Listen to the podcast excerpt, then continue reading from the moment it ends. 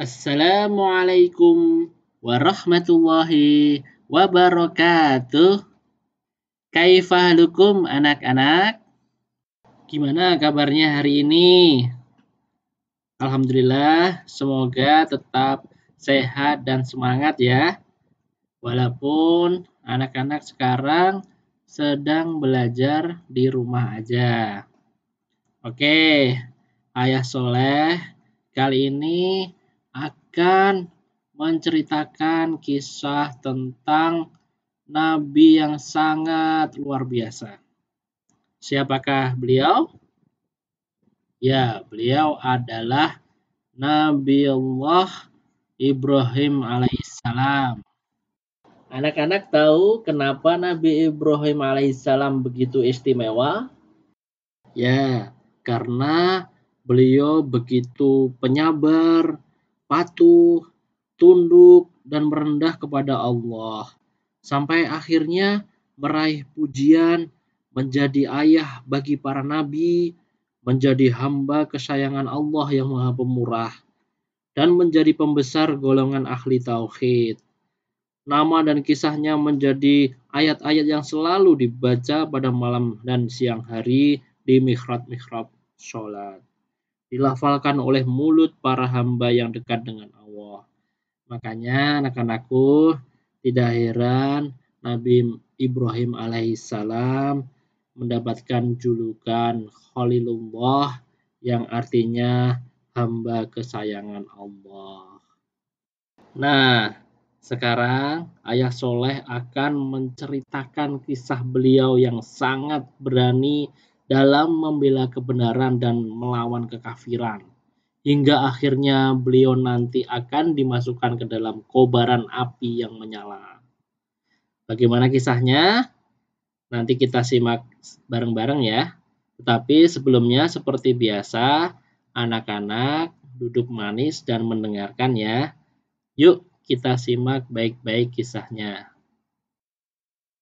Wahai api, Jadilah kamu dingin dan penyelamat bagi Ibrahim. Hari raya telah tiba. Penduduk Haran dari Babilonia bersiap-siap merangkat menuju tengah-tengah negeri. Ibrahim alaihissalam diajak keluarganya untuk ikut pergi bersama mereka. Lalu dia memandang sekilas ke bintang-bintang. Kemudian dia Ibrahim berkata, Sesungguhnya aku sakit Quran surat Asy-Syaffat ayat 88 89. Semua orang berangkat kecuali Ibrahim. Dia tetap di rumah. Setelah semua orang pergi, Ibrahim pergi ke tempat penyembahan dengan cepat dan sembunyi-sembunyi, hingga sampai ke tempat Tuhan-Tuhan palsu mereka. Ibrahim lalu menyuguhkan berbagai jenis makanan yang dipersembahkan kaumnya sebagai bentuk kurban. Lalu dengan menghina, Ibrahim alaihissalam berkata, Mengapa kamu tidak makan? Quran Surat Ash-Shofat ayat 91. Patung-patung itu tidak menjawab. Lalu Ibrahim berkata, Mengapa kamu tidak makan? Quran Surat Ash-Shofat ayat 92. Ibrahim alaihissalam kian marah karena Allah sangat murka terhadap berhala-berhala itu. Akhirnya Ibrahim menghampiri berhala-berhala itu lalu memukul mereka dengan tangan kanan dan menghancurkan mereka dengan kapak yang ada di tangannya. Mengingat setan tidak memiliki kuasa terhadap para nabi, maka amarah manusiawi juga tidak menguasai Al-Khalil Ibrahim. Amarah yang ia tunjukkan ini adalah amarah karena Allah. Dia menghancurkan berhala itu berkeping-keping dan membiarkan berhala yang paling besar agar kaumnya bertanya kepadanya. Ibrahim lalu meletakkan kapak di tangan berhala tersebut. Tidak lama setelah itu, orang-orang pulang dari perayaan mereka menuju tempat pemujaan. Mereka dikejutkan oleh situasi yang menimpa sesembahan-sesembahan mereka. Mereka berkata, Hmm, siapakah yang melakukan perbuatan ini terhadap tuan-tuan kami? Sungguh, Dia termasuk orang yang zolim. Quran Surat Al-Anbiya ayat 59.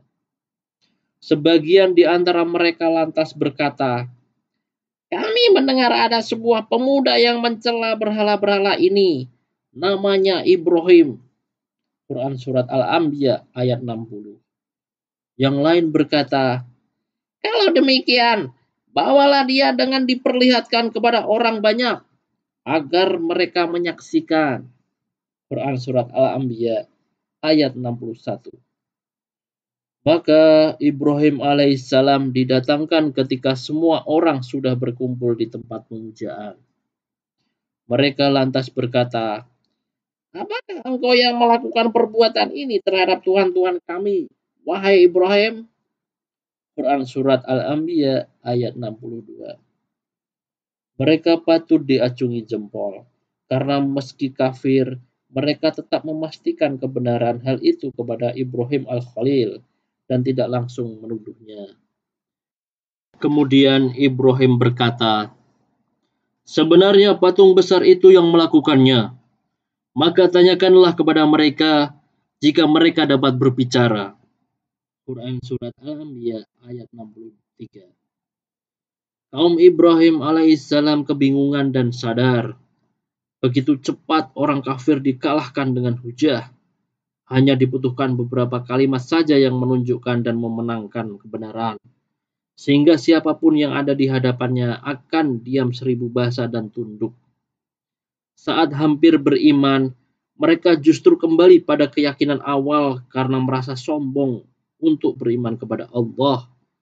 Karena iman akan memaksa mereka meninggalkan segala kenikmatan dan meninggalkan kehidupan mereka secara keseluruhan karena harus masuk ke dalam iman secara total dengan meninggalkan kemaksiatan, tempat kemaksiatan, dan kehidupan kemaksiatan.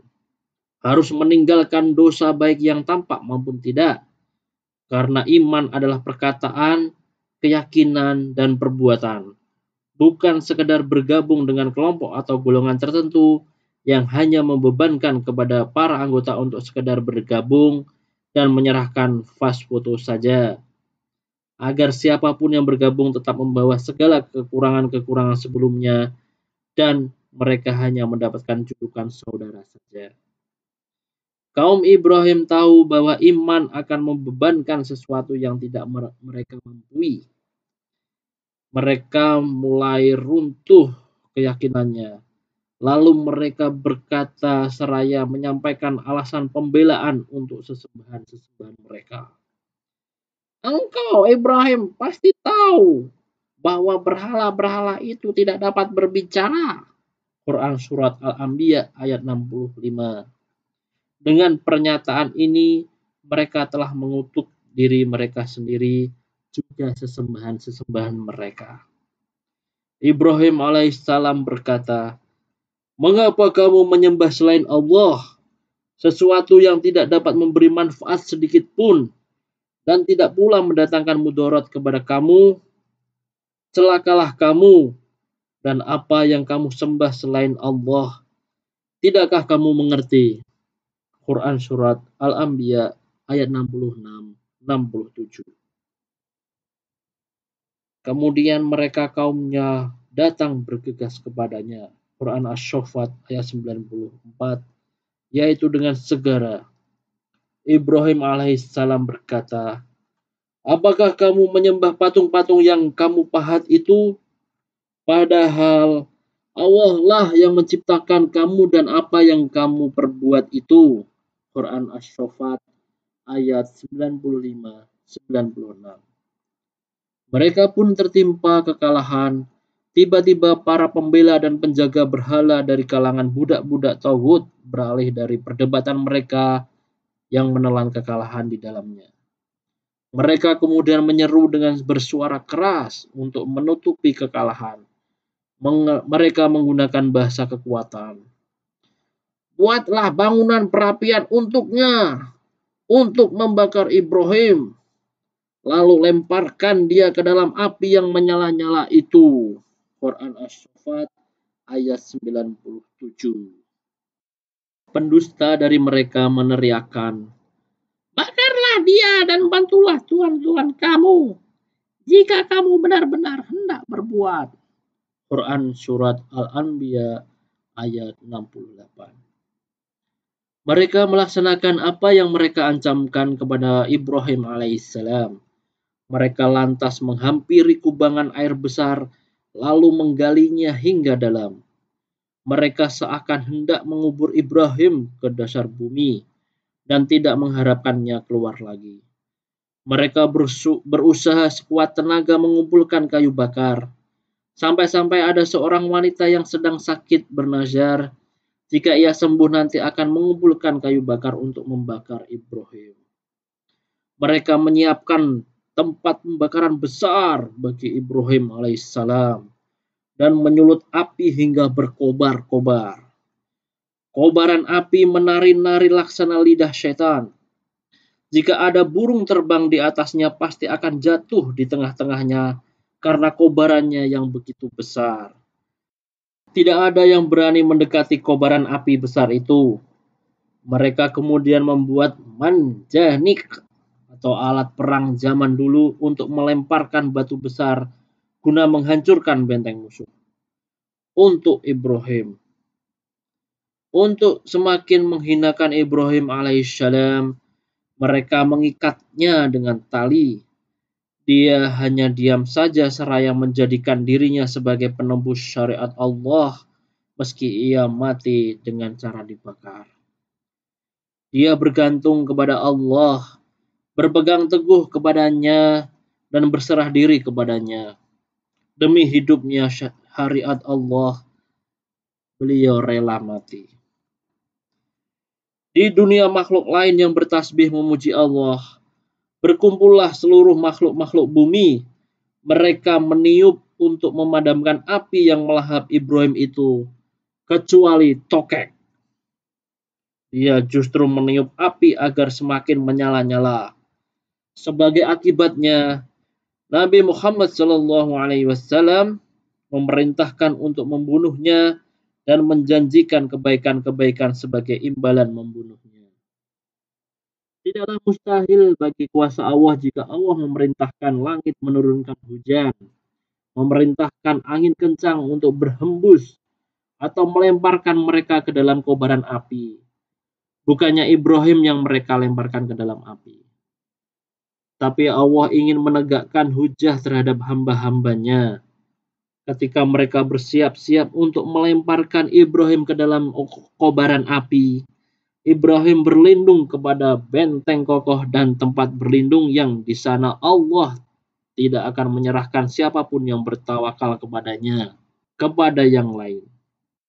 Ibrahim alaihissalam mengucapkan, Hasbunallah wa nikmal wakil cukuplah Allah bagiku dan dia sebaik-baik pelindung. Ibrahim Al-Khalil dilemparkan ke dalam kobaran api layaknya batu dalam keadaan terikat tali. Saat itu, tidak ada satupun orang mukmin di bumi selain dirinya. Dia adalah kesayangan Allah, Khalilullah. Dan Allah tidaklah menghinakan pembelanya. Semua ini adalah bentuk kemuliaan kemuliaan yang Allah berikan kepadanya.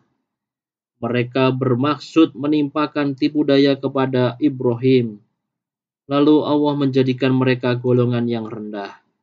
Mereka bermaksud menimpakan tipu daya kepada Ibrahim. Lalu Allah menjadikan mereka orang-orang yang paling rugi.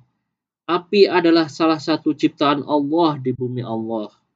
Di dalam wujud Allah yang melaksanakan perintah Allah maka Allah Subhanahu wa taala menyeru api. Wahai api, jadilah kamu dingin dan penyelamat bagi Ibrahim. Quran surat Al-Anbiya ayat 69. Api pun menjadi dingin dan menyelamatkan Ibrahim. Meski api adalah seburuk-buruk tempat menetap dan tempat kediaman. Quran surat Al-Furqan ayat 66. Namun Pesan wahyu lebih dulu sampai ke api dengan bahasa pengertian, sehingga api mematuhi perintah Robnya. Api lebih taat kepada Allah daripada kaum Ibrahim, lebih menyayangi Al-Khalil Ibrahim daripada mereka. dan lebih lembut hatinya meski ia sangat membakar. Api memiliki warna putih bersih, merah, atau hitam. Api menjadi dingin dan menyelamatkan Ibrahim meski panas dan hanya membakar tali pengikat Ibrahim. Sehingga Ibrahim menjadi bersih dari segala kotoran-kotoran mereka. Karena Allah tidak menginginkan seorang pun di kafilahnya yang terkena kotoran. Mereka bermaksud mengalahkan Ibrahim, tapi justru mereka sendiri yang kalah. Mereka menginginkan pertolongan, tapi mereka justru dibiarkan tanpa mendapat pertolongan. Mereka menginginkan kedudukan tinggi, tapi mereka justru direndahkan. Keimanan pasti mengalahkan kekafiran. Meski orang mukmin itu seorang diri, karena pemilik alam raya ini berada di pihak Ibrahim. Al-Khalil Ibrahim alaihissalam mendahulukan perintah Robnya atas yang lain, bahkan atas dirinya sendiri. Karena itulah Allah memuliakan dan menolongnya. Allah memberitahukan kepadanya bahwa balasan bagi orang mukmin adalah kemenangan, meski ia hanya seorang diri, atau meski jumlah orang-orang mukmin hanya sedikit. Al-Khalil Ibrahim alaihissalam menyerahkan diri kepada api, agar setelah itu diketahui bahwa kemenangan hanya ada di dalam ketaatan kepada Allah. Allah Subhanahu wa taala kemudian mengangkat derajat dan nama Ibrahim. Selamat sejahtera bagi Ibrahim. Quran surat As-Saffat ayat 109. Kisah Ibrahim menjadi catatan abadi dan pelajaran yang berharga bagi kita saat ini.